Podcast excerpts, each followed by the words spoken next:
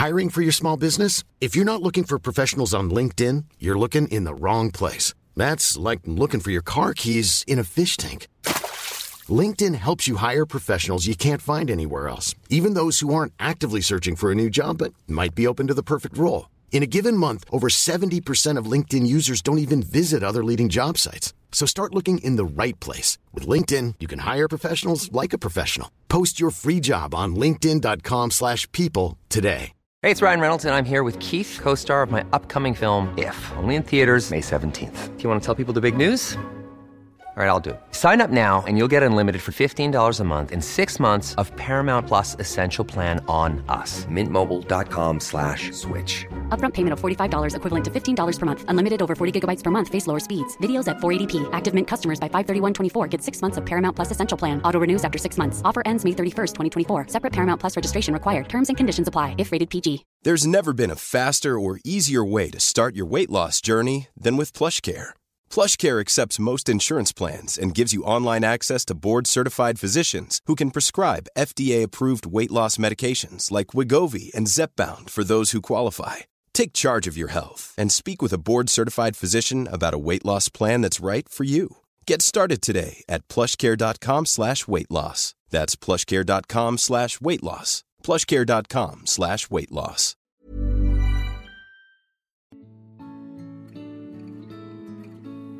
Välkommen tillbaka till podcasten Utan dig med mig Alexandra. Och med mig Emelie.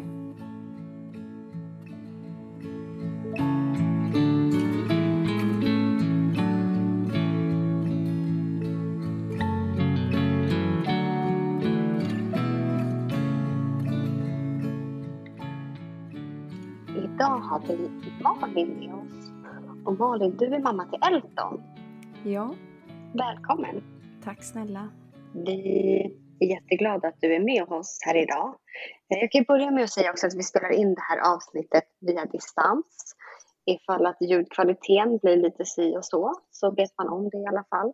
Men jag tänker Malin att eh, du ska få börja berätta på en gång. Eh, ja, jag är ju mamma till Elton då. Som gick bort för snart tre månader sedan.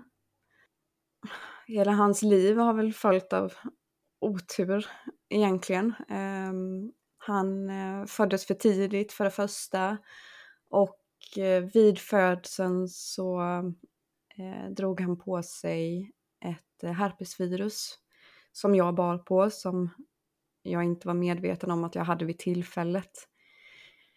Eh, Det här herpesviruset visade ju sig efter 11 dagar eh, i form av att han började apnea, han tappade syresättning och puls och han betedde sig inte som han brukade göra och vi var på dem där inne om att det är någonting som inte stämmer. Men vi fick höra att det är vanligt att prematurer dippar på det här sättet och de, de visade inte så mycket oro och till slut trodde jag att jag hade åkt på en förlossningspsykos för att jag letade fel på mitt barn där inne. Men eh, efter eh, en vecka ungefär så låg jag och googlade på vad som skulle kunna vara fel. Och eh, gick då till en sköterska och frågade om det kunde vara ett, ett herpesvirus som Elton har fått. Eh, och om det har spritt sig till hjärnan och då, då blev det ju fart på dem där inne och eh, jag tror att det var redan på eftermiddagen så visste de att det var det han hade haft den här veckan när han hade legat så dålig. Och i själva verket då så har han legat med epileptiska kramper större delen av denna veckan. Och eh, det slutade med globala hjärnskador. Eh, med eh, ungefär 10% av hjärnvävnaden fanns kvar. Eh, och hans prognos var inget bra alls. De sa att han, eh, han kanske hade veckor eller dagar kvar att överleva. Han sattes in på palliativ vård och mm, vi fick ta hem Elton och vårda honom i hemmet med hemsjukvård.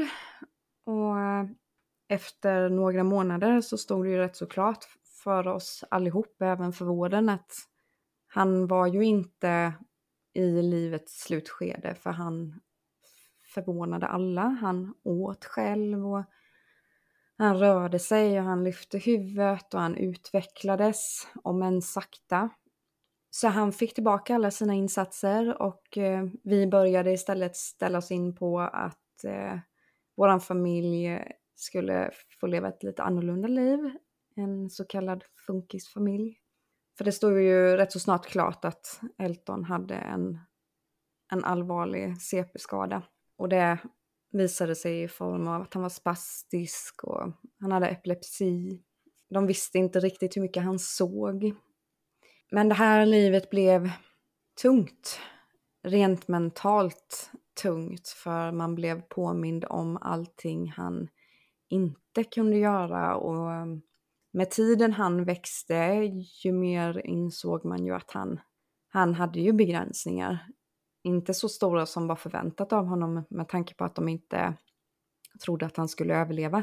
Men det var ändå svårt att se hur hans lilla syster plötsligt växte ikapp honom rent utvecklingsmässigt. Det var svårt att se hans skor ärvas av lilla syster och hon sprang i dem. Det gjorde fysiskt ont i kroppen för att man önskade ju sin, sitt barn så mycket mer än så. Och det kan jag ju säga nu efter att Elton gick bort att visst var sorgen berättigad men jag hade ju hellre haft honom så än, än inte alls. Som vi sitter nu. Hela hans liv var en ständig kamp egentligen eh, för att få hjälp från samhällets sida, ifrån eh, allt från bostadsanpassning till avlösning till assistans, parkeringstillstånd. Vi fick avslag på precis allt, eh, vilket gjorde det både mentalt och fysiskt väldigt jobbigt. Eh, men till slut så till slut så gick ju allting igenom. Alla bitar började falla på plats. Så kom coviden Eh, vi stängde ner vår familj eh, totalt ifrån samhället under åtta veckors tid där i början. Vi träffade ingen, vi gick inte utanför huset, barnen gick inte till skolan. Våra andra barn gick inte till förskolan heller. Vi gick inte in i butiker, ingenting. På hösten där så skulle vi få assistans dygnet runt och då började vi göra i ordning ett rum till Elton. Det här måste ju varit hösten 2020. Så gjorde vi i ordning ett rum till Elton och eh, för att han skulle få assistans dygnet runt och även på natten då. Och eh, jag åkte in till stan, skulle bara springa in på Rusta lite snabbt, köpa tapetklister och eh, jag måste ändå säga att jag anser mig vara extremt noga. Men lyckas under den här fem minuters vistelsen inne på affären dra på mig covid. Eh, vilket inte visat sig i några symptom direkt förutom eh, totalt lukt och smakbortfall. Men jag var också den enda i familjen som faktiskt åkte på covid hösten 2020. Men sen fortsatte det, vi fick dygnet runt assistans.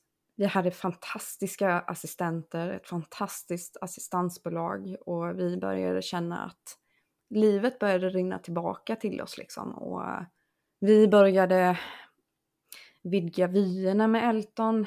Vi, eh, vi vågade låta honom testa mer. Han fick uppleva mer. Och vi andra kunde börja fungera som en, en hyfsat normalfungerande familj igen. Sen kom sommaren 2021 då Elton fyllde fyra. Och då började jag känna på mig att det här är sista sommaren jag kände på mig när det var hans sista födelsedag. Och när vi åkte hem ifrån hans eh, farmor eh, och hennes man på västkusten så sa jag till min man att det här är sista gången Elton är här. Men jag åkte därifrån ändå med ett litet ro för jag hade låtit honom doppa fötterna i havet och eh, jag hade låtit honom känna på sanden och trots att jag visste att han hatade allting som, som rörde på sig så åkte vi karusell med honom. Lugnt förstås. Jag kände någonstans att hela hösten som flöt eh, 2021 att det här, kommer inte gå vägen, någonting kommer hända. Jag hade någon dålig magkänsla som, som gjorde att jag hade ångest nästan varenda kväll.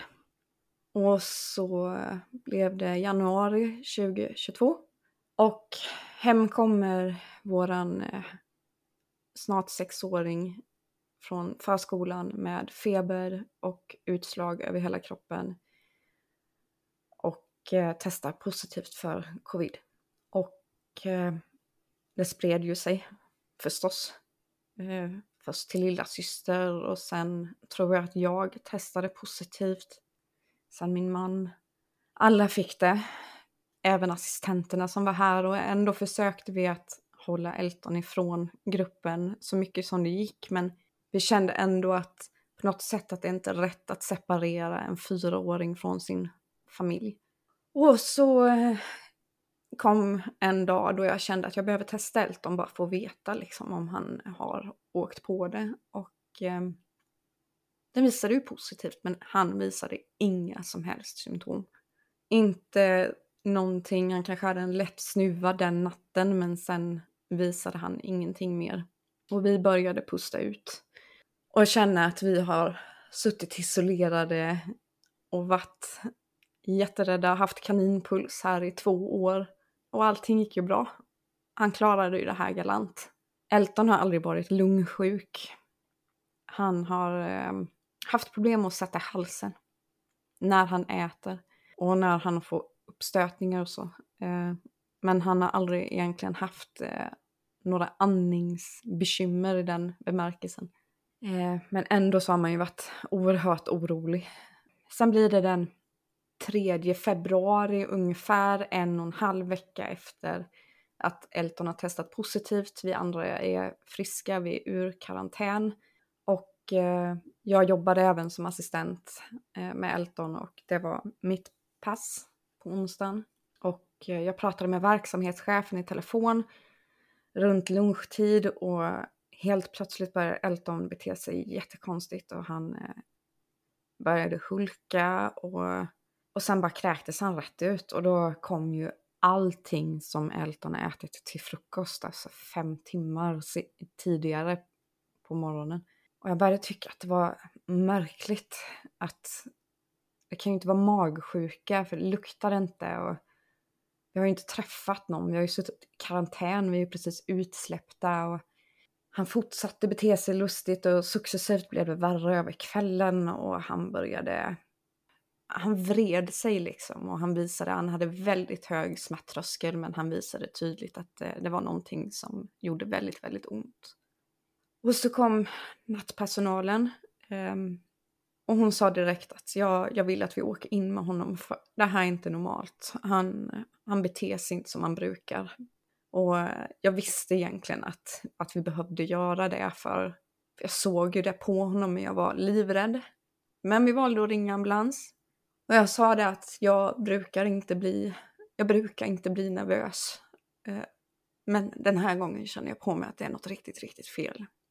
Och vi eh, kom in till ett sjukhus som eh, undersöker honom och eh, vill ändå att han åker in till vårt länssjukhus där de har en barnkliniksavdelning eh, för observation. Och de sätter en PVK i hans hand. Och han var rejält uttorkad redan när vi kom till första sjukhuset. Och den här IVA-läkaren som satte PVKn sa att han, han är så intorkad liksom så det går knappt att, och sticka honom. Och han måste ha jättemycket vätska nu, fort. Eh, assistenten åkte i ambulansen med honom in eh, till nästa sjukhus och jag åkte bilen efter. Vi kom in kanske vid eh, ett på natten eh, och då hade Elton en tydlig svullnad under höger revbensbåge. Vilket vi påtalade. Vi påtalade att han hade ont sköterskan kom in och, och ursäktade sig flera gånger och sa att vi blev ju uppkörda direkt till en barnavdelning eller barnkliniken. Då. Hon kom in och utsträckte sig flera gånger och sa att jag har ringt på läkaren men hon, hon har inte kommit än. Ehm, jag ser att han behöver hjälp.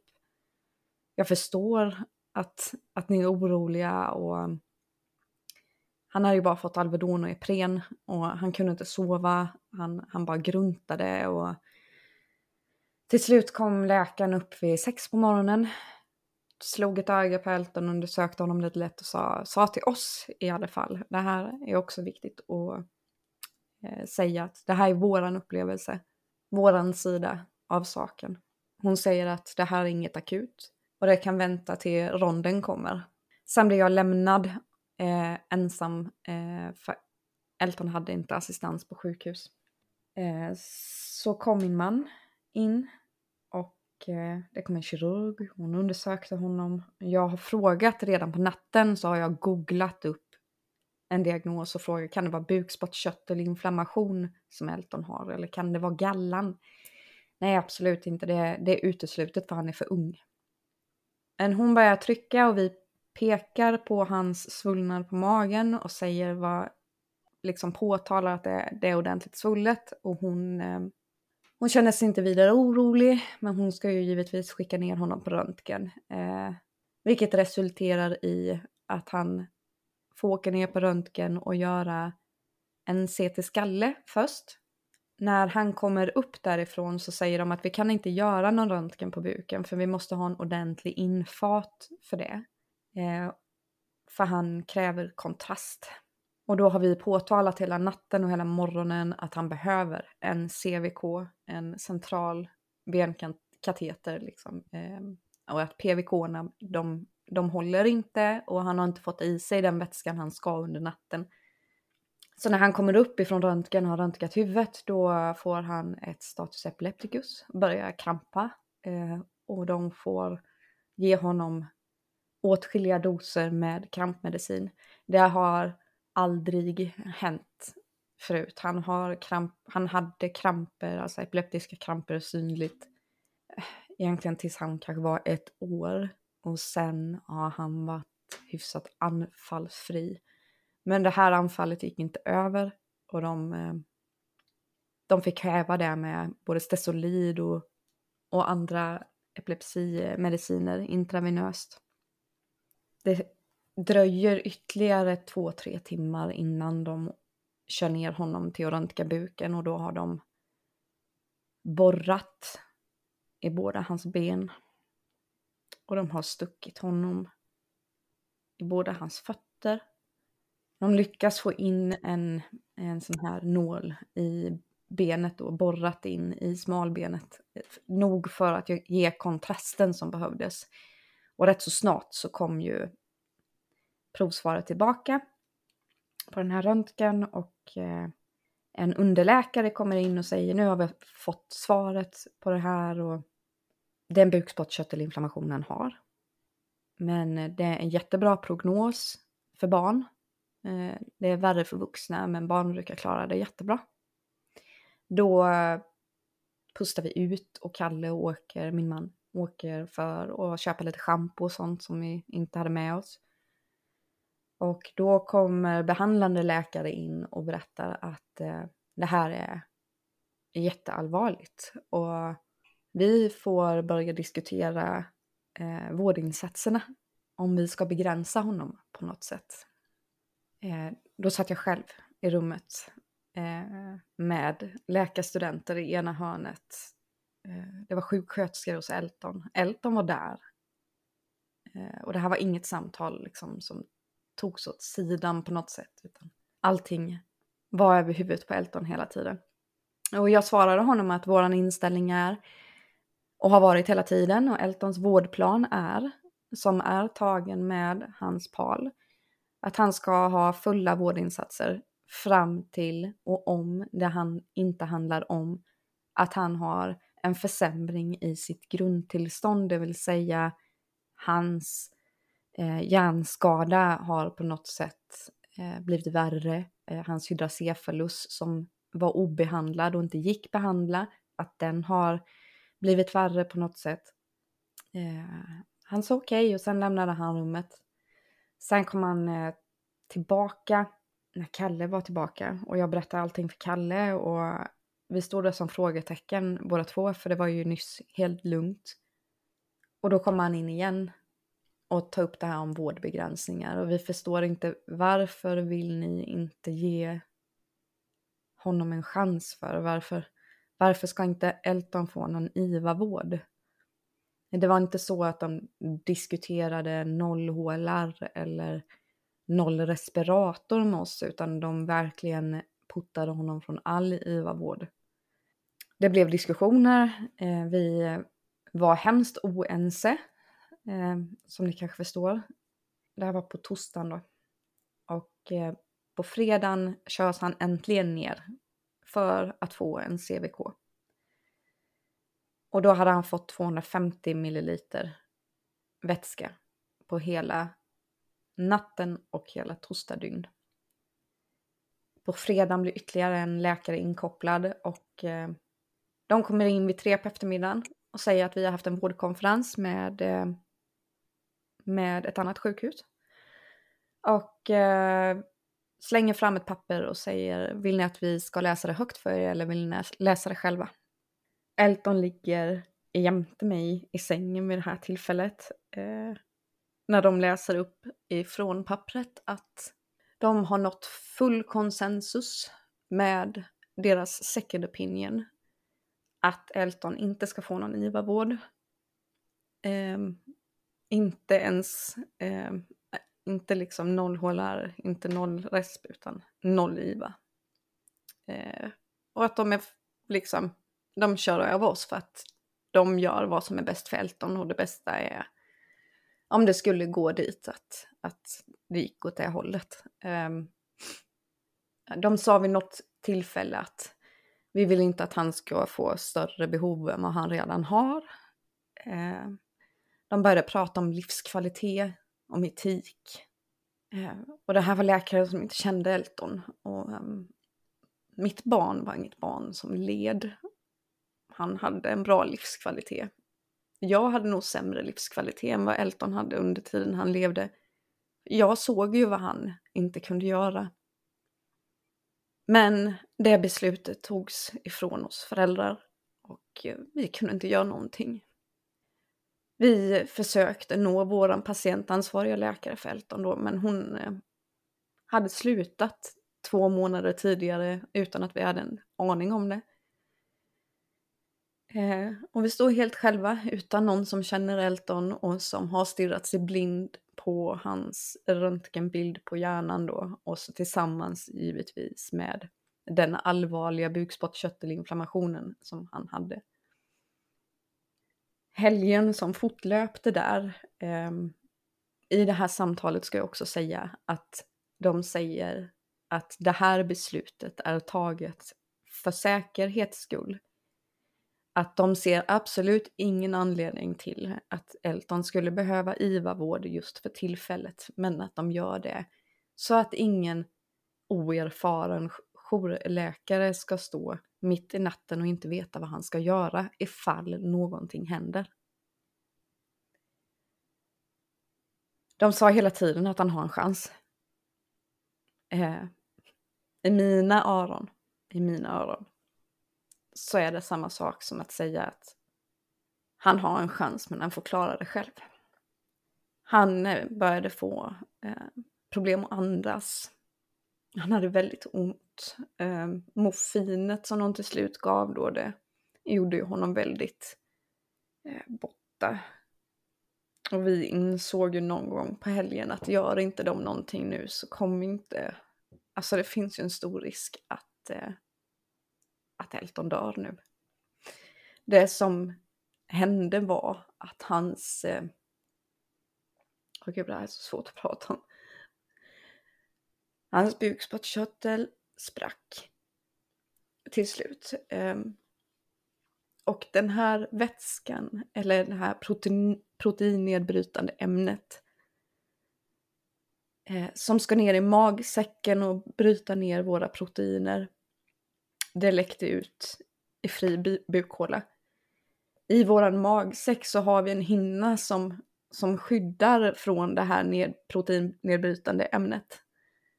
Men det har det inte resten av våra kropp. Eh, så att när det börjar läcka ut så börjar det liksom fräta på andra organ. Så han började få blåmärken. Eh, först kring naveln. Och då sa de att han hade fått en bukhinneinflammation. De sa att han inte led. Men det var också läkare som inte hade träffat Elton innan och som inte hade någon slags insikt i honom alls. Det fanns vissa sköterskor där inne som sa att de krigade för att vi skulle ner till IVA för de tyckte inte att det här var humant. De förstår inte varför liksom man väljer att inte försöka rädda någon. Du, när du beskriver det där så låter det ju som att det gör väldigt ont. Ja. Tyckte du liksom att det verkade som att han hade ont? Ja. Jag, eh, för ett tag sedan så gick jag igenom min mans telefon. Eh, och hittade filmer och bilder som han har tagit som inte jag visste om. Och då har han filmat mig och Elton vid ett tillfälle och det var sista gången Elton såg på mig. Eh, jag minns liksom inte att han var vaken så mycket efter det. Och han ligger och kvider. Och det är precis som man säger liksom att hjälp mig någon. Och jag kan inte göra någonting mer än att bara vara där. Och eh, han började få svårare och svårare att andas. Och vi bad, bad dem om eh, att hjälpa honom. Men han hade ju ingen IVA-vård. Han fick syre. Eh, jag bad om en högflödesgrimma. Det fick vi inte. Vi bad om en CPAP, bara för att blåsa upp luft i lungorna på honom. Det fick vi inte. Till slut började jag tjata om adrenalin för han blev så obstruktiv liksom. Men de tyckte inte att han lät obstruktiv. Eh, de sa att han lider inte av det här. Eh, ni tycker att det låter otäckt men han mår inte dåligt över att låta så här. Så kom min bror upp och öppnade dörren till kliniken och vi låg längst bort i korridoren och han hörde när Elton försökte andas. Och då pratade vi att det måste vara liksom en 40 meter lång korridor och, och hans andning hördes ända ut till entrédörren och ändå tyckte de inte att han hade problem att andas. Till slut går de med på att sätta in adrenalin och då släppte det. På måndagen så vaknade jag upp och tänkte att nej. Vi hade tänkt att vi skulle åka hem och bara låta det hända hemma eh, ifall det ändå skulle dit. Men när jag vaknade upp på måndagen så tänkte jag fan heller. Så länge det finns en chans att han kan överleva så ska vi stanna här. Så han får sitt dropp, så han får sin antibiotika bara det finns liksom en gnutta. En gnutta hjälp att få som inte vi kan ge hemma. Och så sa vi, finns det en chans? Ja, det finns fortfarande chans. Han kan vända det själv. Nu ska också tillägga att en bukspottkörtelinflammation kan man inte bota.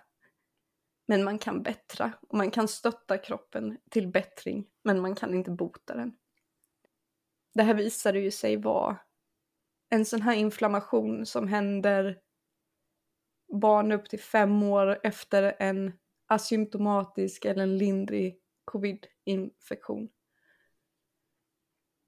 Men vi valde att stanna kvar på måndagen och de sa att det fanns en chans.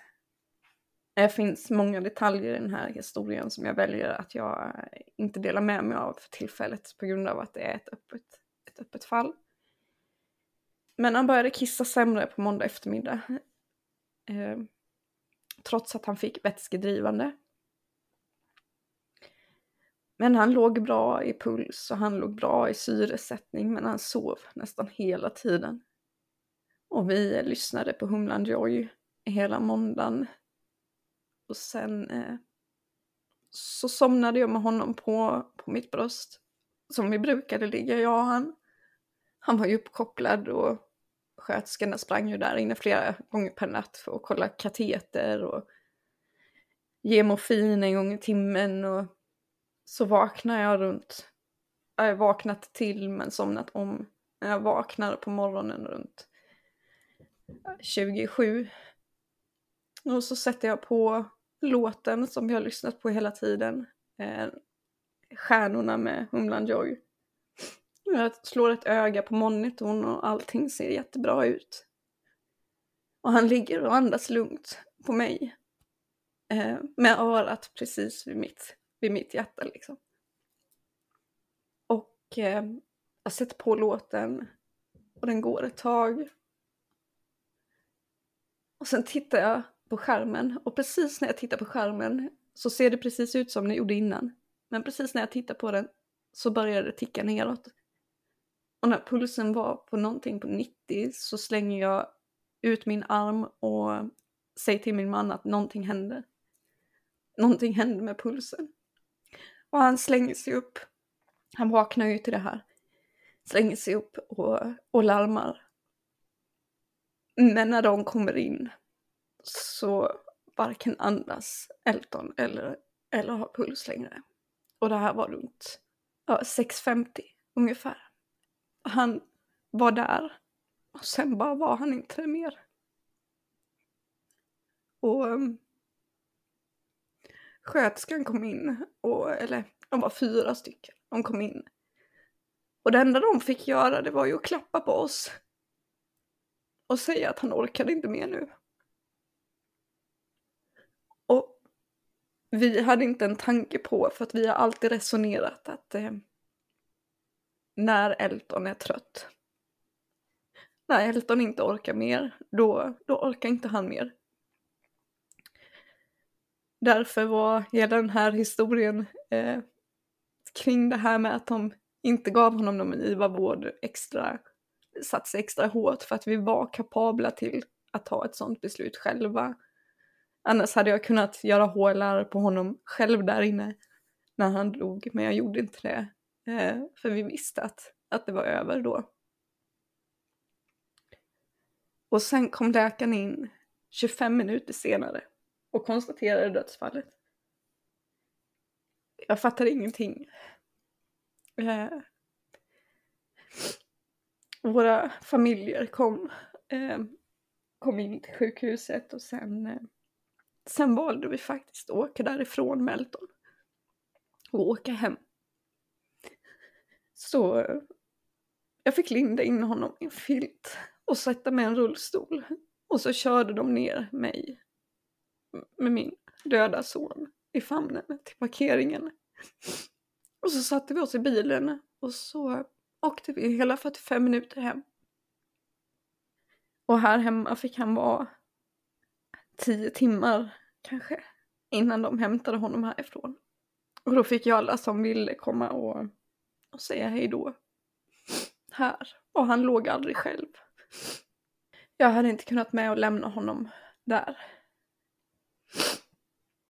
Jag tänker att det måste vara så mycket liksom känslor att komma hem med Elton. För när ni åkte med han till sjukhuset så var det ju liksom kanske ingen tanke alls på att det som hände skulle hända liksom. Nej, jag hade inte en, inte en, inte en tanke på att det här var sista gången vi lämnar hemmet med honom levande. Men det var så skönt att få ta hem honom en sista gång. Det låter säkert i andras öron helt, helt tokigt att man väljer att ta hem sitt döda barn. Eh, men för oss var det ju rätt för att han hatade sjukhus och vi har ju absolut lärt oss att hata sjukhus och vi ville att alla skulle kunna komma hit i lugn och ro och ta farväl och så framför allt. Eh, man blir ju lite, man letar ju efter något hopp. Eh, jag hoppas ju att hans själ hängde kvar tills han kom hem. Mm. Vad skönt att ni gjorde det som ni kände att ni ville göra. Ja, alltså jag har sagt ända sedan Elton var, blev sjuk första gången i herpesencefalit så, så har vi sagt att vi vill att han ska gå bort hemma. Eh, och nu blev det ju inte så. Men vi fick i alla fall ha honom hemma. Vi behövde inte lämna ifrån oss honom till de människorna som vi ansåg eh, inte ville göra allt. Det hade känts fel. Det var ju här han hörde hemma. Och jag tror, alltså, för syskonens skull och sådär. Eh, alla har ju reagerat väldigt olika. Förstås. Men den minsta hon förstod ju inte ens att han var, att han var borta liksom. Han, eh, precis efter att Elton hade gått bort så blev han väldigt blek och, och grå liksom. Men när vi, när vi var hemma så såg han nästan levande ut. Eh, jättekonstig känsla. Eh, men han såg verkligen bara ut som han sov. Han var inte stel, han var bara helt rofylld. Men att lämna ifrån sig sitt barn. Jag hade turen så att vi, vi känner eh, henne på begravningsbyrån. Eh, så innerligt tacksamma för hur värdigt hon gjorde det för honom när hon kom hit. Eh, hon kom hit, hon, eh, hon lät oss ta den tiden vi behövde. Och istället för att komma hit med en bårbil som skulle köra in honom till bårhuset så, så satt hon med honom i knät. Så hon tog honom i knät när de åkte härifrån. Och sen sa hon efteråt att jag har suttit och berättat för Elton hela vägen nu att han ska och hur det ser ut. Så han har ju liksom blivit kramad hela vägen till bårhuset. Det låter verkligen jättefint. Ja, det var så värdigt. Så oerhört tacksam. Mm, det förstår jag. Man har ju kommit till insikt liksom. Det är ju inte så att man har eh, era berättelser och eran podd har ju inte gått obemärkt förbi. Man vet ju att barn dör varje dag.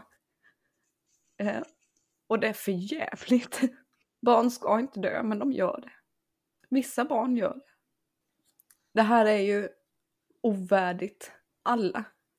Det finns liksom... Jag vet inte, jag tror att jag blev chockad över när jag har ändå haft en rätt så lång tid att förbereda mig på. För jag har ju alltid fått höra när vi har varit inne med Elton, att, eller vi har fått höra att, att han kommer inte bli vuxen. Eh, så jag tycker ändå att någonstans inom mig så trodde jag att jag kommer vara förberedd. Eh, jag sörjer lite i taget liksom hela hans liv. Men det här som man slås av när ens barn rycks ifrån en, det finns liksom inga ord för det. Jag vet de första nätterna när jag vaknade och liksom sträckte ut händerna, undrade var han var någonstans. Eller när man drömmer att allting är som vanligt. Och man vaknar och blir helt förtvivlad. Den första tiden är först nu, för ett par dagar sedan som jag gick upp på Eltons rum.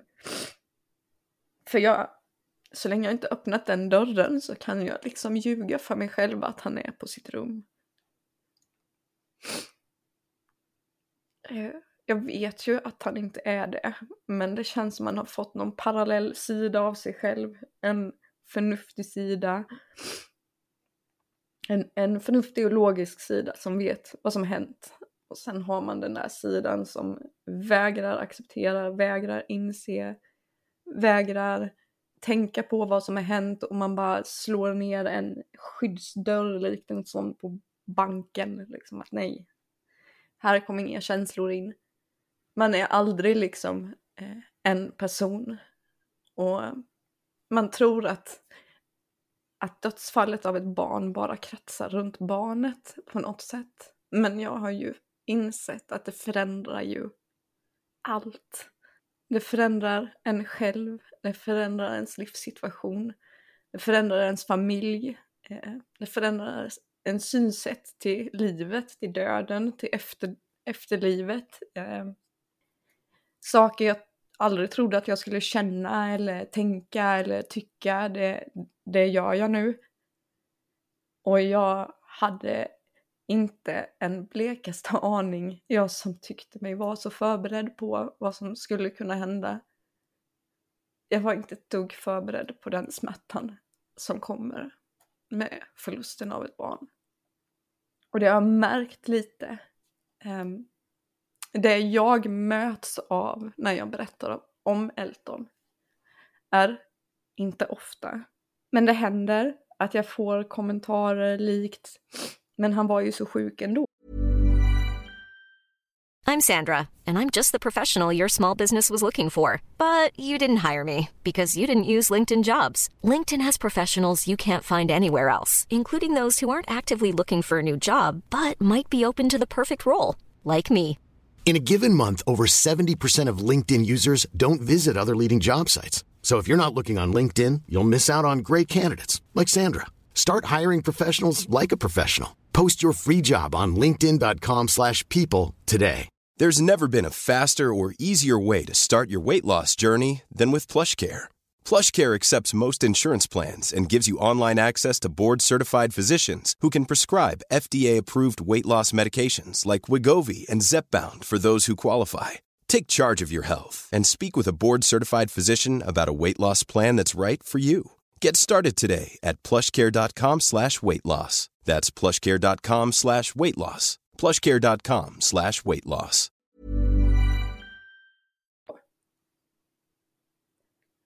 Och det här måste ni tycka var skönt nu. Eh, tänk på allt positivt. Tänk på allt ni kan göra.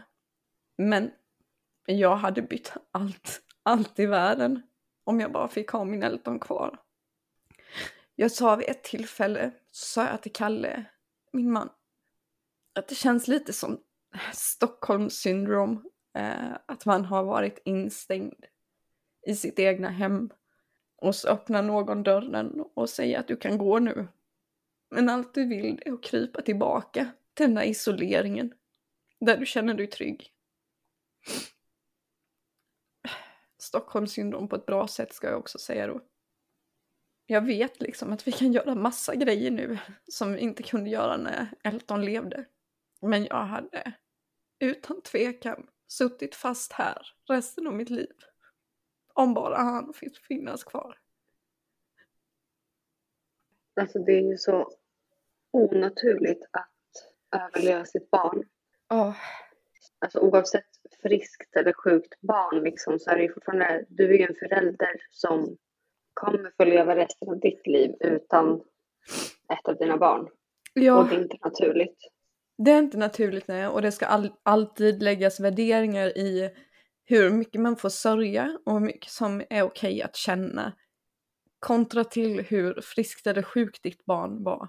Hur gammalt ditt barn var. Vad omständigheterna kring ditt, ditt barns dödsfall var. Det ska alltid läggas värderingar i hur mycket som är okej. Men det folk glömmer är ju att den som dör, det är ju inte den som sörjer. Ja, må hända, Elton var inte sjuk, men han, ja, han hade allvarliga hjärnskador. Men jag sörjer ju för att han inte finns. Det är ju liksom, det spelar ingen roll om han var sjuk eller om han hade en hjärnskada. Han är ju inte här. Nej, och jag tänker att så här, om man tar det då i jämförelse med hur mycket man älskar sitt barn så spelar inte det heller någon roll om man har ett friskt barn eller ett sjukt barn eller ett barn med hjärnskada eller ett barn som har en arm mindre.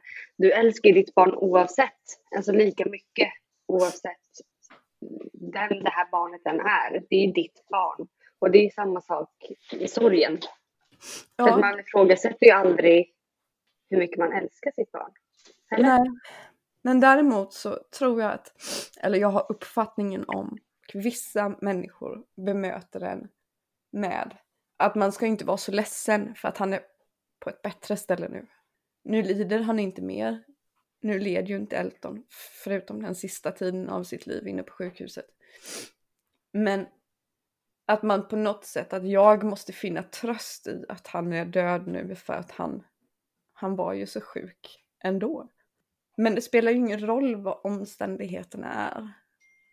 För ett barn är älskat oavsett, precis som du säger. Och man hade ju inte önskat att det blev så från början. Man hade inte önskat att sitt barn var sjukt. Men man är ju glad för allting man fått uppleva, såklart.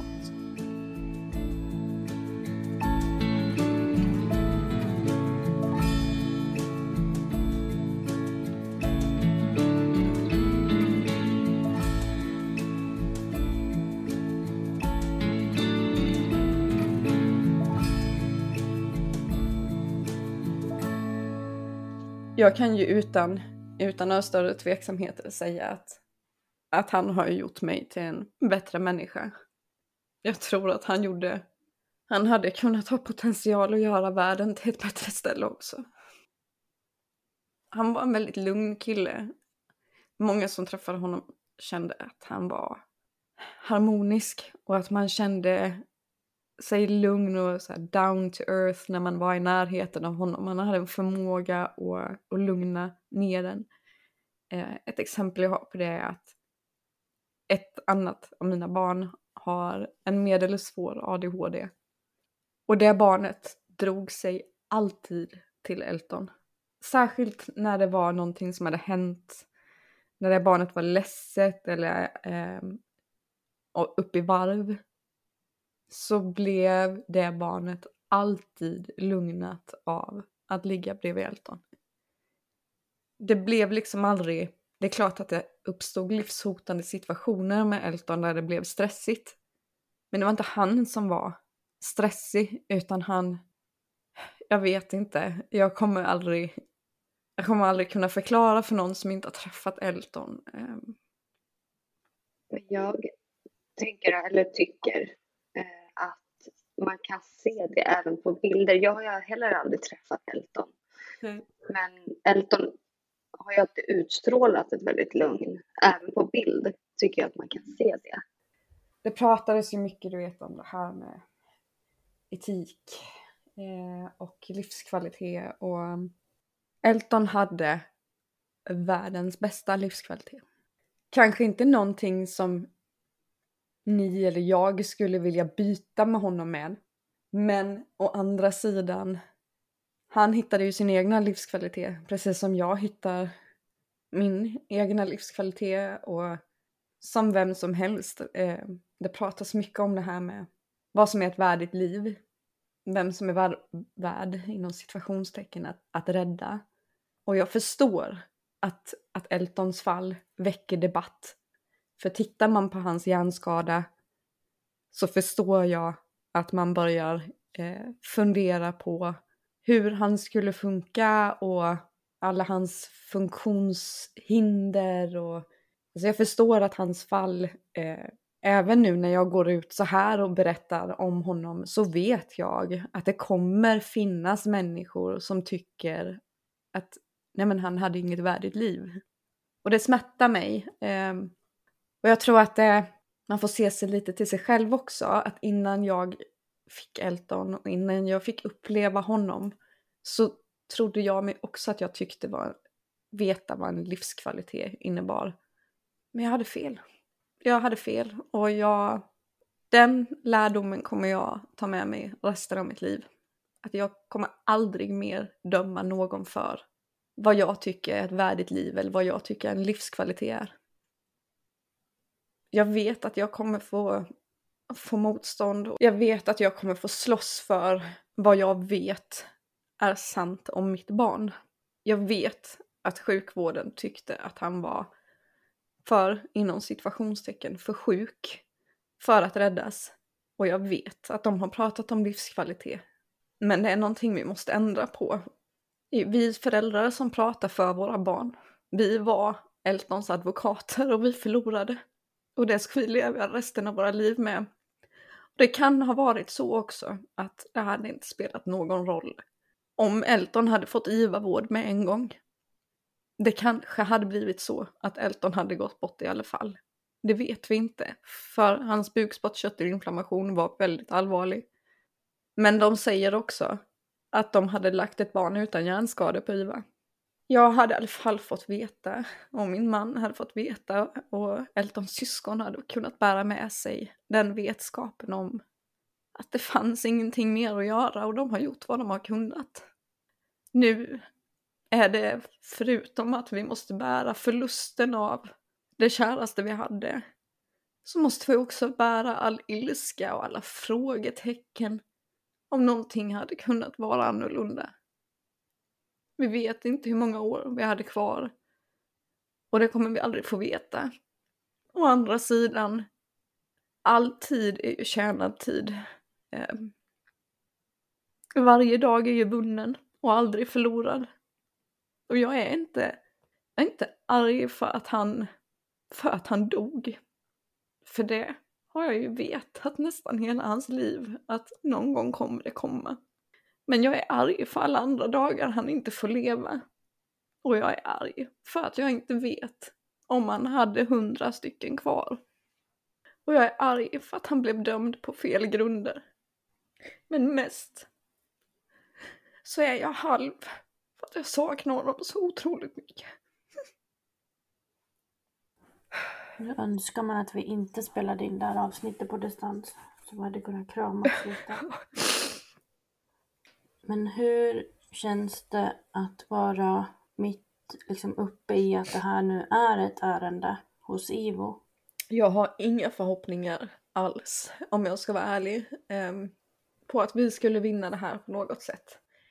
Mest på grund av att eh, jag vet att så fort de slänger ett öga på Eltons röntgenbild så kommer de tycka detsamma. För att jag har mött de här fördomarna inom vården förut. Att nej, men han skulle inte klara av en IVA-vård eh, till exempel då. Men å andra sidan, när vi kom upp till Linköping första gången för att träffa eh, en neurolog där uppe så höll han på att tappa hakan för han sa att jag hade inte förväntat mig det här barnet som sitter här. Jag hade förväntat mig ett barn som inte liksom levde eh, när jag kollar på röntgenbilden. Och det som är så motsägelsefullt i det hela det är att under hela Eltons liv, när det inte har varit skarpt läge, så har vi hela tiden fått höra att sluta fokusera på hans röntgenbild. För den spelar ingen roll. Det är vad han klarar av som spelar roll.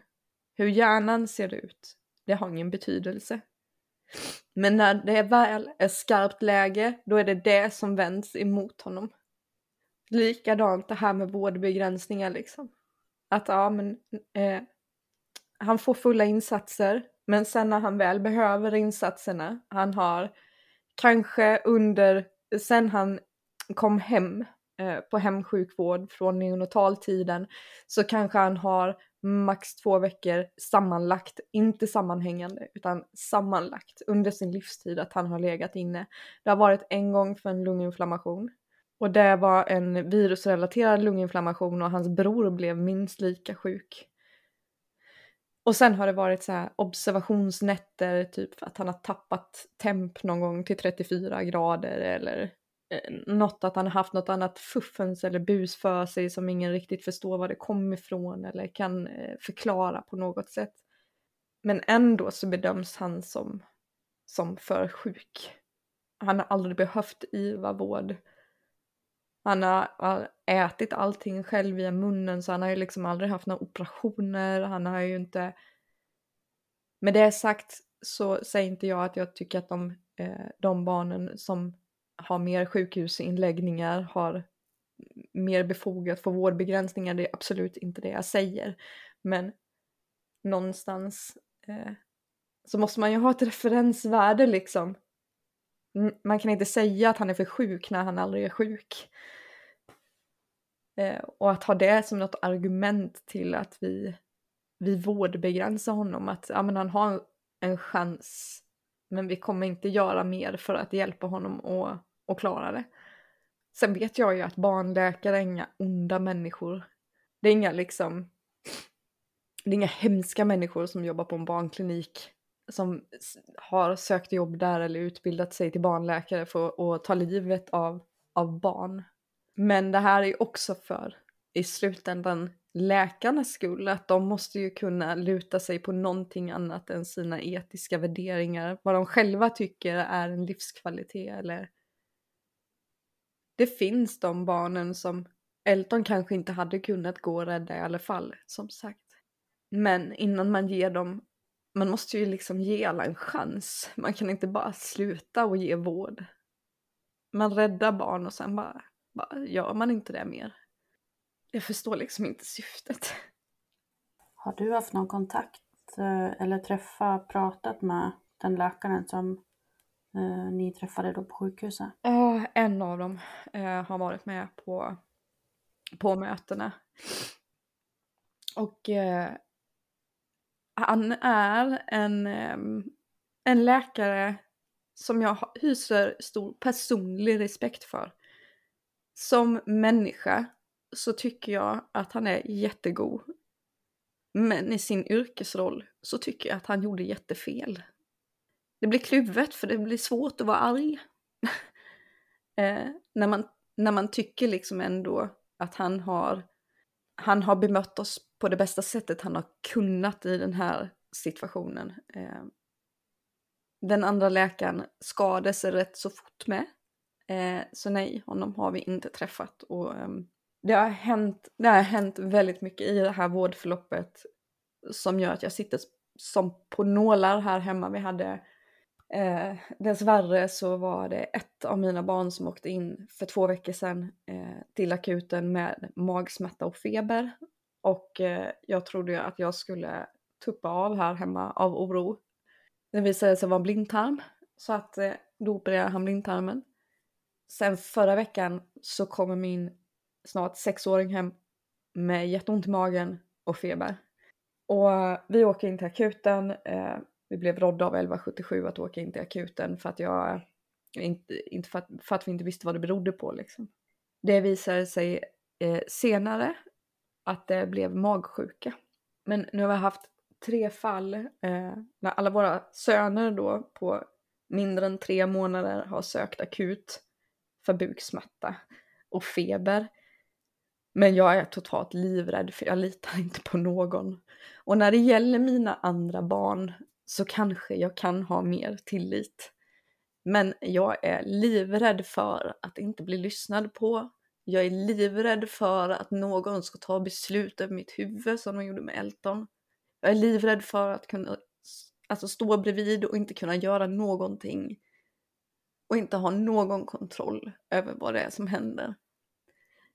Det här ljudet som Elton hade de sista dagarna när han inte kunde andas, det har liksom etsat sig fast i mitt huvud.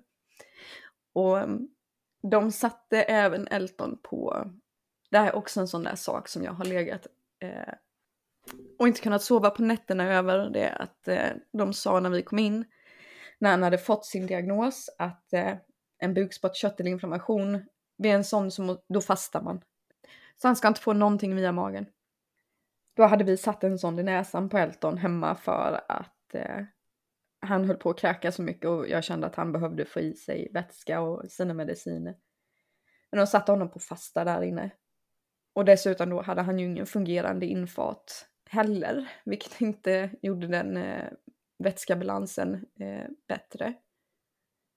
Eh, sen ett par veckor efter han hade gått bort så vaknade jag kallsvettig på natten och blev tvungen att sätta mig upp och börja googla eh, på just det här med bukspottkörtelinflammation och fasta.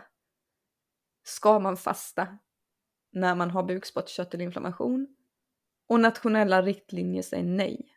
Man ska äta, man ska dricka, just för att man ska stimulera bukspottkörteln att trycka ner det här proteinnedbrytande ämnet i magsäcken. Jag är ingen läkare, men när jag googlade så blev jag helt... Det var som någon ryckte mattan under fötterna på en, för när man får ett barn, ni vet ju själva att det går mot hela ens natur att ens barn är hungrigt. Det är liksom, de ska vara torra, de ska vara varma och de ska vara mätta och rena.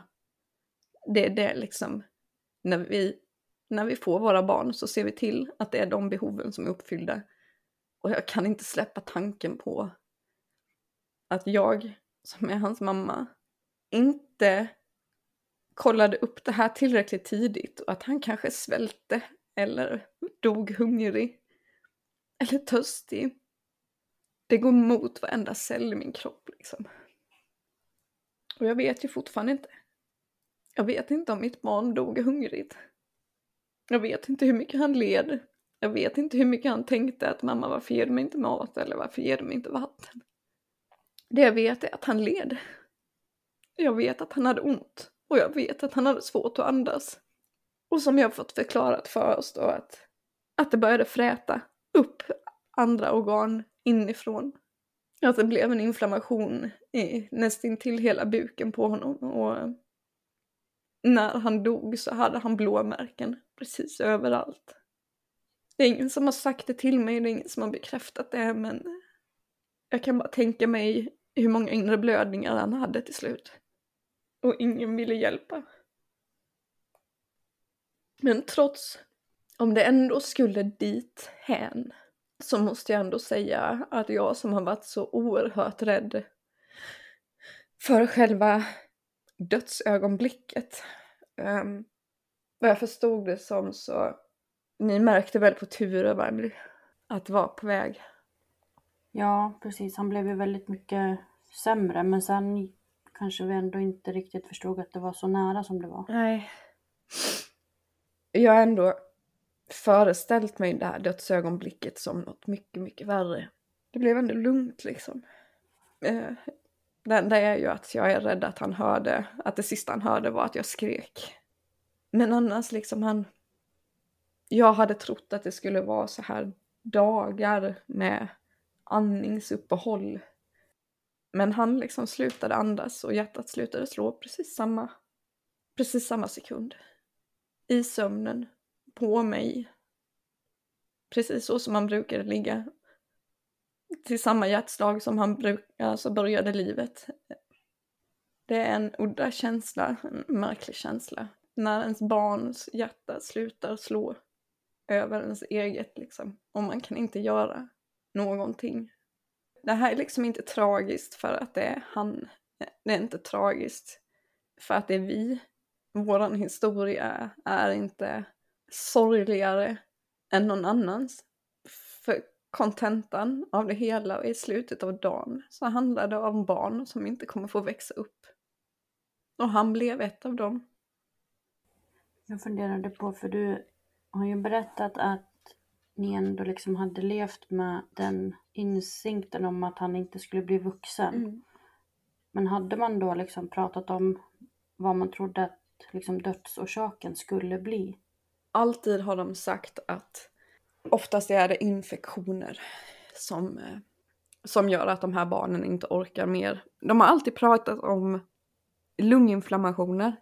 Men Elton har inte haft några liksom. Ehm, på något sätt så jag förstår att vården måste prata med föräldrarna om allvaret i, i ens barns tillstånd och allvaret som kan uppstå i olika situationer, eh, till exempel förkylningar, lunginflammationer etc.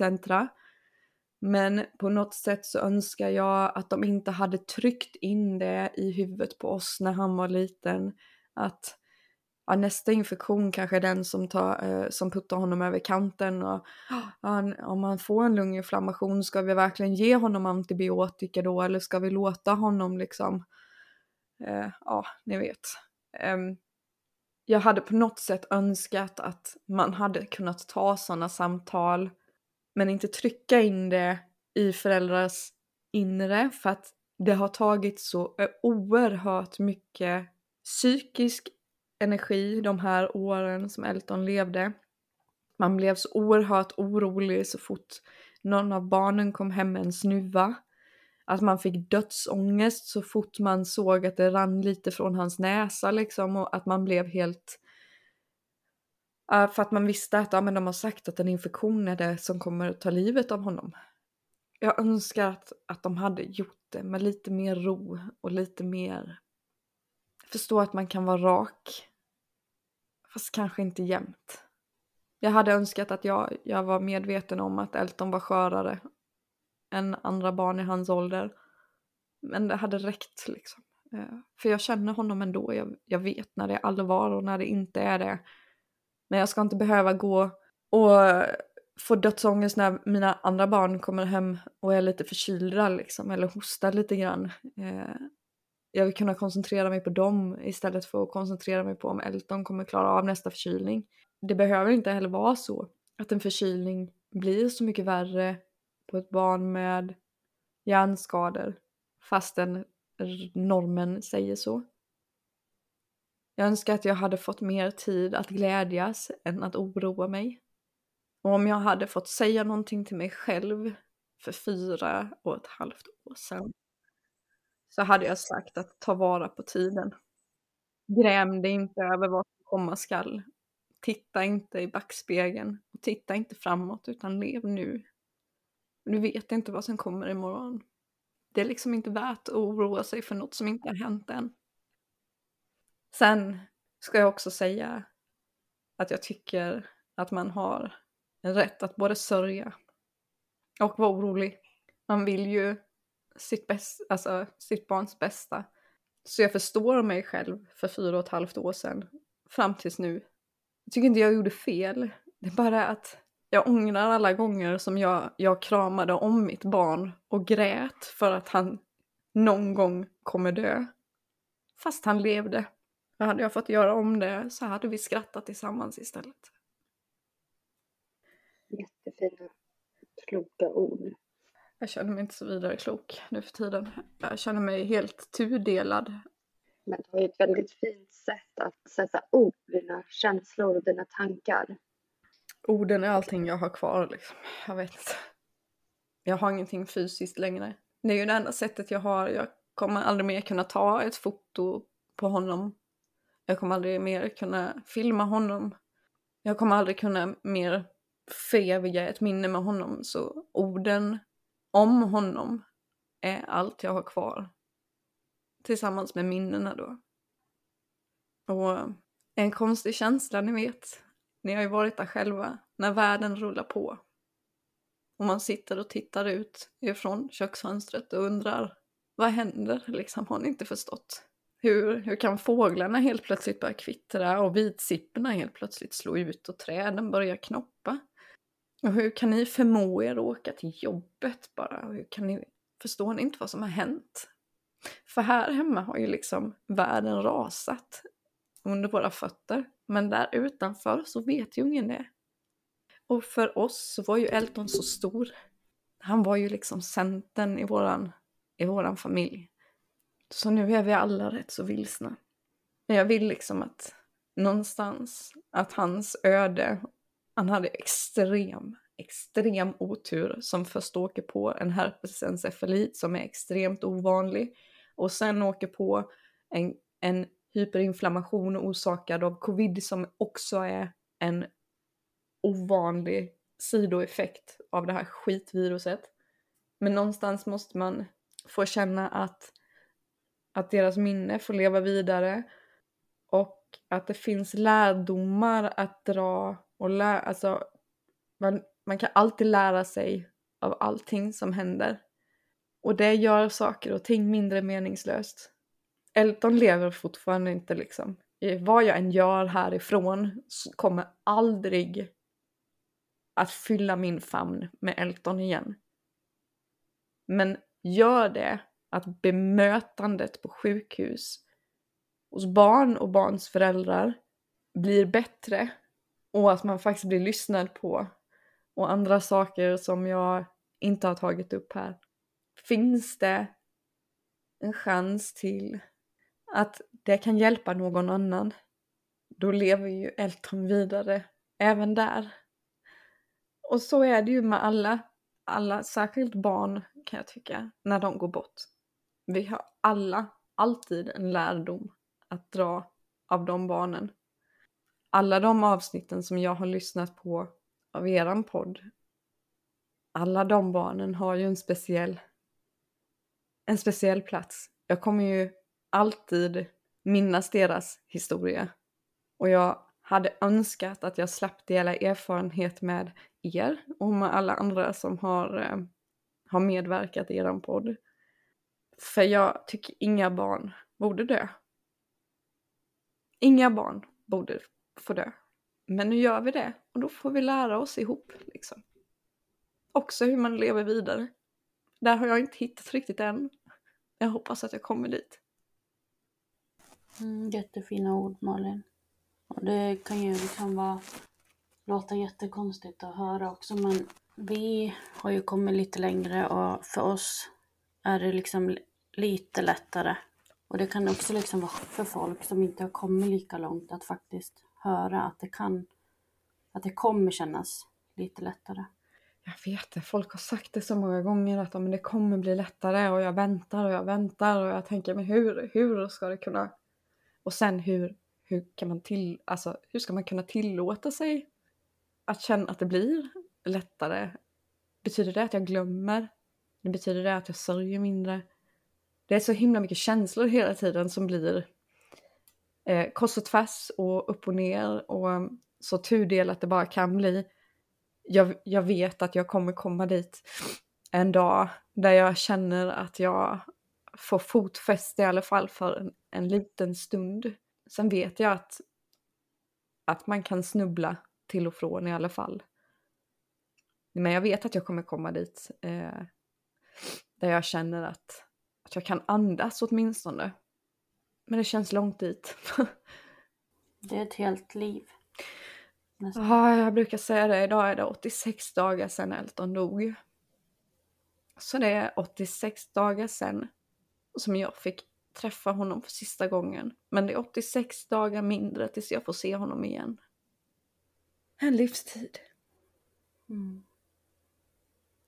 I början på avsnittet när du pratade om eh, när Elton föddes mm. Så började jag fundera lite på kring det här om du har haft skuldkänsla kring hans herpesinfektion. Oh ja, hjälp.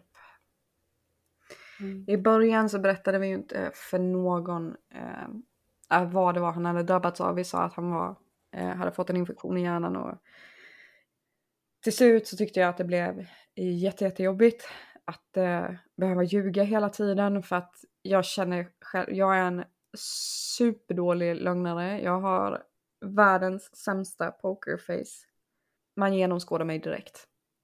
Och det började bli, det började liksom krypa in på för vissa visste liksom vad som hade hänt och vissa visste inte och jag vet ju med säkerhet idag att vissa läckte vad det var som hade hänt och då började det spekuleras och det började skvallras och det började så till slut så valde jag att gå ut på min Instagram och skriva precis vad det var som hade hänt. Absolut det bästa och värsta jag har gjort. Jag har um, ingen integritet kvar. Men jag vet att det jag gjorde har räddat liv. Det har jag fått kvitto på efteråt.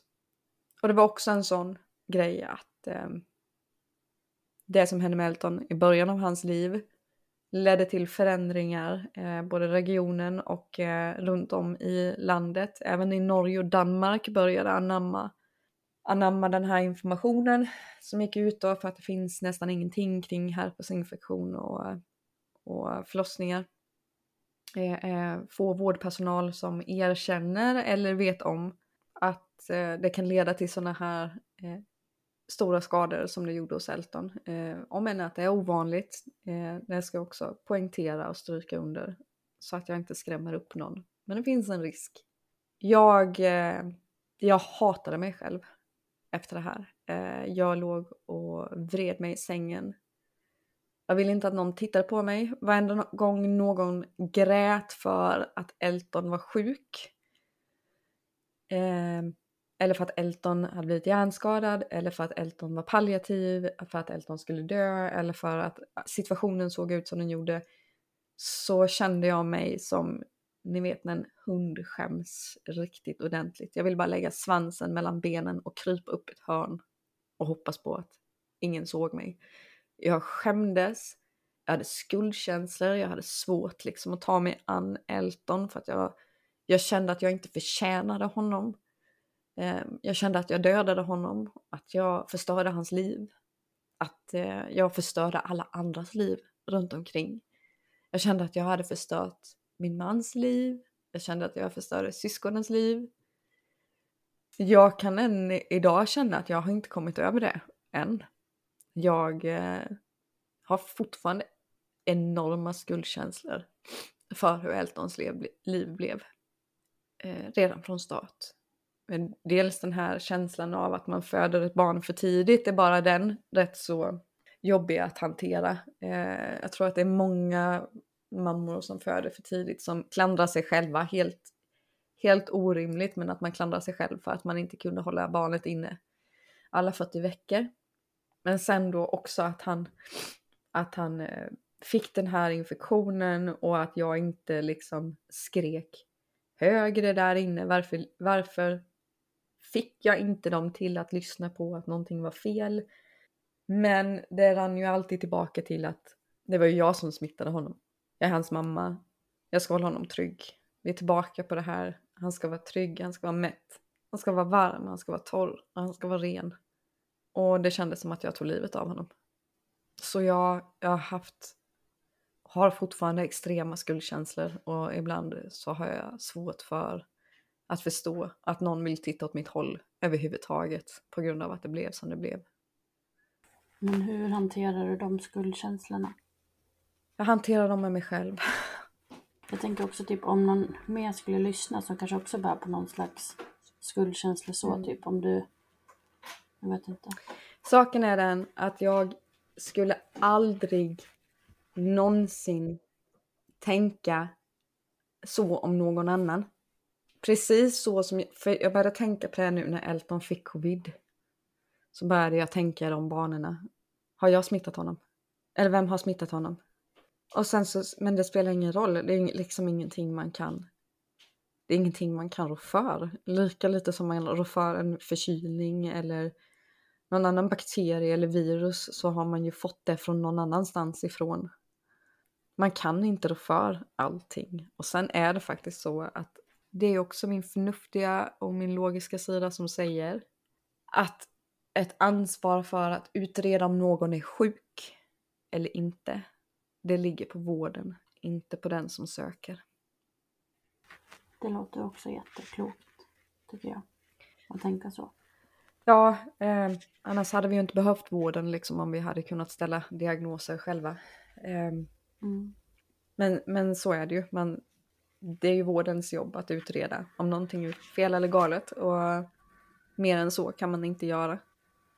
Men tänker du just det där med att ni kunde hålla er borta från covid så länge och att det sen ändå inte blev så? Kan du liksom klandra dig för det också? Ja, det kan jag. Eh, våran sexåring var bland de första fallen av covid på förskolan. Eh, så ibland tänker jag att om jag bara hade liksom hållit dem hemma den veckan eller Elton dog dagen innan alla restriktioner i Sverige släpptes. Han dog den 8 februari och alla restriktioner släppte, släppte de på den 9. Det var lite av ett hån. När man har suttit isolerad i två år och gjort precis vad man har kunnat för att man har varit livrädd för att ens barn inte ska överleva den här infektionen och så dagen efter han dör så tycker världen att nu kan vi leva på som vanligt. Och det är också en sån sak, han räknas inte någon statistik kring covid heller. Varför vet jag inte. Alltså du menar att han inte räknas i statistik, av, alltså som att han dog av covid? Nej, precis. Fast hans bukspottkörtelinfektion var till följd av det? Ja. Eh, Det finns ju ett tillstånd som de har sett nu. Dels att det angriper bukspottkörteln på vissa barn och också att det kan ge en inflammation i olika typer av organ i kroppen. Eh, hjärtmuskeln eh, och andra inre organ. Men eh, Elton räknades inte med där. Jag vet inte varför. Det känns som han räknas liksom inte någonstans. Och jag står här och stampar och skriker och undrar varför ni inte... Varför räknas inte han? Varför räknas inte hans liv? Varför räknas det inte att han ska överleva? Varför räknas inte hans död? Varför räknas han inte? Det är precis som han är raderad från jordens yta och ingen minns att han har funnits. Minns... Eh, jag skulle gå in och kolla hans journal. Den var ju bortplockad så fort han avled. Jag kom inte åt den längre, alltså den finns ju fortfarande men jag kom inte åt den som förälder. Sen skulle vi gå in på Försäkringskassan och söka efter vab. För de vård av allvarligt sjukt barn de dagarna vi låg inne med honom. Men hans personnummer finns inte. Har inget barn som heter Elton längre. Mm. De där grejerna är jättetuffa. Ja, inte bara mentalt utan rent praktiskt. Alltså snälla låt det vara några veckor så att man hinner få, få tillbaka fotfästet någonting liksom för att slippa ringa runt och be om papperskopior på allt och i och för sig så är det det lilla. det är det lilla är allt det stora. I slutet av dagen så kommer jag aldrig mer fysiskt få hålla mitt barn. Och just nu så är det allt som räknas. Alltså du är ganska öppen i sociala medier, du har många följare och sådär. Mm. Du, du nämnde nämligen att så här, nu när du går ut med den här historien och, och så att du kommer få negativa kommentarer. Mm. Har du mötts mycket av det? Nej, inte mycket ska jag inte säga. Eh, men sen har jag hört liksom, eh, jag hör på omvägar när eh, andra pratar med mig om vad, vad de har fått höra och då är det de här eh, fraserna, den här inställningen om att ja men det var ju väl lika bra för han var ju så sjuk ändå. Jag vet liksom att det inte, inte, jag menar inte att just att gå ut med att vara öppen hos er på eran podd. Men eh, jag vet att när jag berättar Eltons historia så småningom när jag kan vara mer öppen om vad jag tycker har gått rätt och fel. När jag känner att eh, IVO har fått göra sin utredning och de, eh, de har gjort vad de, har, liksom, vad de ska göra. Då vet jag att jag kommer mötas av, av motstånd. Eh, och jag har även fått kommentarer till mig som att amen, Eh, en kvinna som skrev att kan du sluta dela bilder på Elton nu, han är ju död och eh, han var ju så sjuk ändå. Jag tror nog att eller, eh, de gjorde nog allting vad de kunde för honom. Skulle du vara någon expert eller? Jag kan inte säga att det händer ofta. Jag tror att det händer oftare bakom ryggen på mig och runt om mig än vad jag hör eller vad folk vågar säga till mig. Så att ändå all cred för att hon vågade säga det till mig bakom en skärm. Men jag har hört den här uppfattningen, eh, inte just om Elton, men om andra barn med hjärnskador, där folk tycker att det är lika bra för att barnet var så sjukt ändå. Och eh, det är tyvärr en rätt så inbiten Eh, känsla hos folk att när ett barn avviker från normen så har man eh, som förälder lite mindre rätt att sörja och barnet har lite mindre rätt att leva. Kanske inte lika, inte lite mindre rätt att leva men jag vet inte hur jag ska förklara det på ett, på ett bra sätt. Det känns som att du kanske menar på att det inte riktigt lika synd att de dör. Nej, alltså, ja precis. Rent krasst liksom. Ja, så. Mm, precis. Precis så menar jag. Ehm, och att jag får stålsätta mig på något sätt för att jag, jag vet ju att när folk eh, ser eh, vilka funktionsnedsättningar Elton hade och vilka eh, vilken omfattning av hjärnskada som han hade så kommer folk döma honom efter det och tycka att, nu säger jag inte alla, men folk, vissa kommer döma honom efter det och tycka att det var lika bra för att han var så sjuk ändå. Jag fick en kommentar i höstas där hon, eh, en, vi var med i en reklamfilm för vårt assistansbolag, den kvinnan skrev att eh, jag förstår inte varför jag får upp den här reklamen hela tiden om det här hjärndöda barnet som samhället låtsas rehabiliterar och slänger pengar på eh, för assistansbolagets räkning och må han, eh, må den här stackars Elton få somna in snarast. Jag vet eh, att det finns sådana människor. Och jag har stött på dem till och från. Jag tror att de är vanligare än vad de ger sig till känna.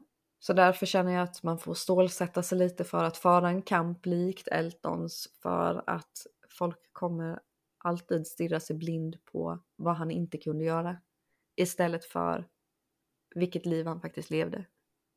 Men att man liksom måste försvara sitt barn. Mm, så. Ja, och särskilt då när folk sitter och tycker att eh, men må han somna in snarast liksom. Bara, vem är du och sitter där och önskar livet ur mitt barn? Alltså jag bara kände ju att jag... hjälp, vad är det för folk där ute och var, varför? Och jag kan ju stå här och skrika och jag kommer fortfarande se ut som en sörjande, sinnesförvirrad förälder som inte är kapabel till att inse när mitt barn inte eh, har ett värdigt liv längre. För det, det är så det ses, ser ut liksom. Jag sörjer. Han fattas mig. Det ser ut som att jag är, är blind för vad det var som låg framför mig och det, det ser ut som att jag och min man var blinda för vad som var bäst för vårt barn. Men det var inte så. Vi kände honom bättre. Jag kände honom bättre än vad jag kände min egna insida. Jag, så mycket som jag kände honom. Jag visste liksom vid varenda liten rörelse vad det var han menade. Jag lärde mig att läsa av honom på ett sätt som eh, jag inte kan läsa av mig själv ens. Och jag har haft svårt att läsa av mig själv hela mitt liv och det har inte blivit bättre efter att Elton har gått bort för nu är jag tokvilsen. Eh, förutom att jag är tokvilsen för att ett av mina barn fattas här hemma så är jag även tokvilsen i mig själv och i min nya roll som en fembarnsmamma med fyra barn. Och med tanke på att jag jobbade heltid med honom, jag vet liksom inte vad jag hör hemma längre. Och sen så, först så hade man en normal familj och sen så hamnar man i funkisfamiljen och sen nu helt plötsligt så är man inte med i funkisfamiljerna längre utan nu ska man hitta en egen eh, plats bland änglaföräldrarna helt plötsligt. Man får liksom byta identitet så ofta, hitta en ny plats. Eh, dela så mycket nya erfarenheter som man önskar att man inte hade. Men här är jag nu och till slut så måste jag ju hitta den nya versionen av mig själv som inte innefattar Elton fysiskt i min famn längre men alltid på något sätt inom mig och alltid på något sätt att hans liv aldrig får vara och hans öde får vara betydelselöst. Det måste finnas en mening med att hans liv, som han aldrig mer får tillbaka, han aldrig mer får en chans att leva. Det måste finnas en mening med att det blev så. Och den meningen måste vara att det måste bli bra för någon annan.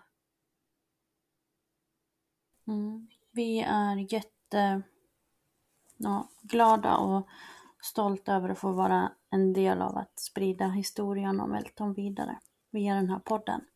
Jag är tacksam för att ni ville ha med mig. Mm.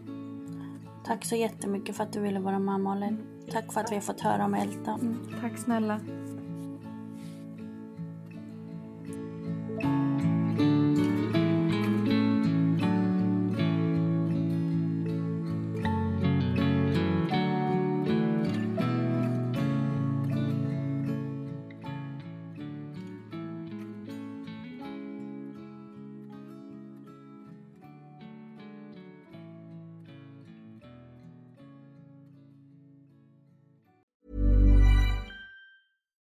Hi, I'm Daniel, founder of Pretty Litter. Cats and cat owners deserve better than any old fashioned litter. That's why I teamed up with scientists and veterinarians to create Pretty Litter. Its innovative crystal formula has superior odor control and weighs up to 80% less than clay litter.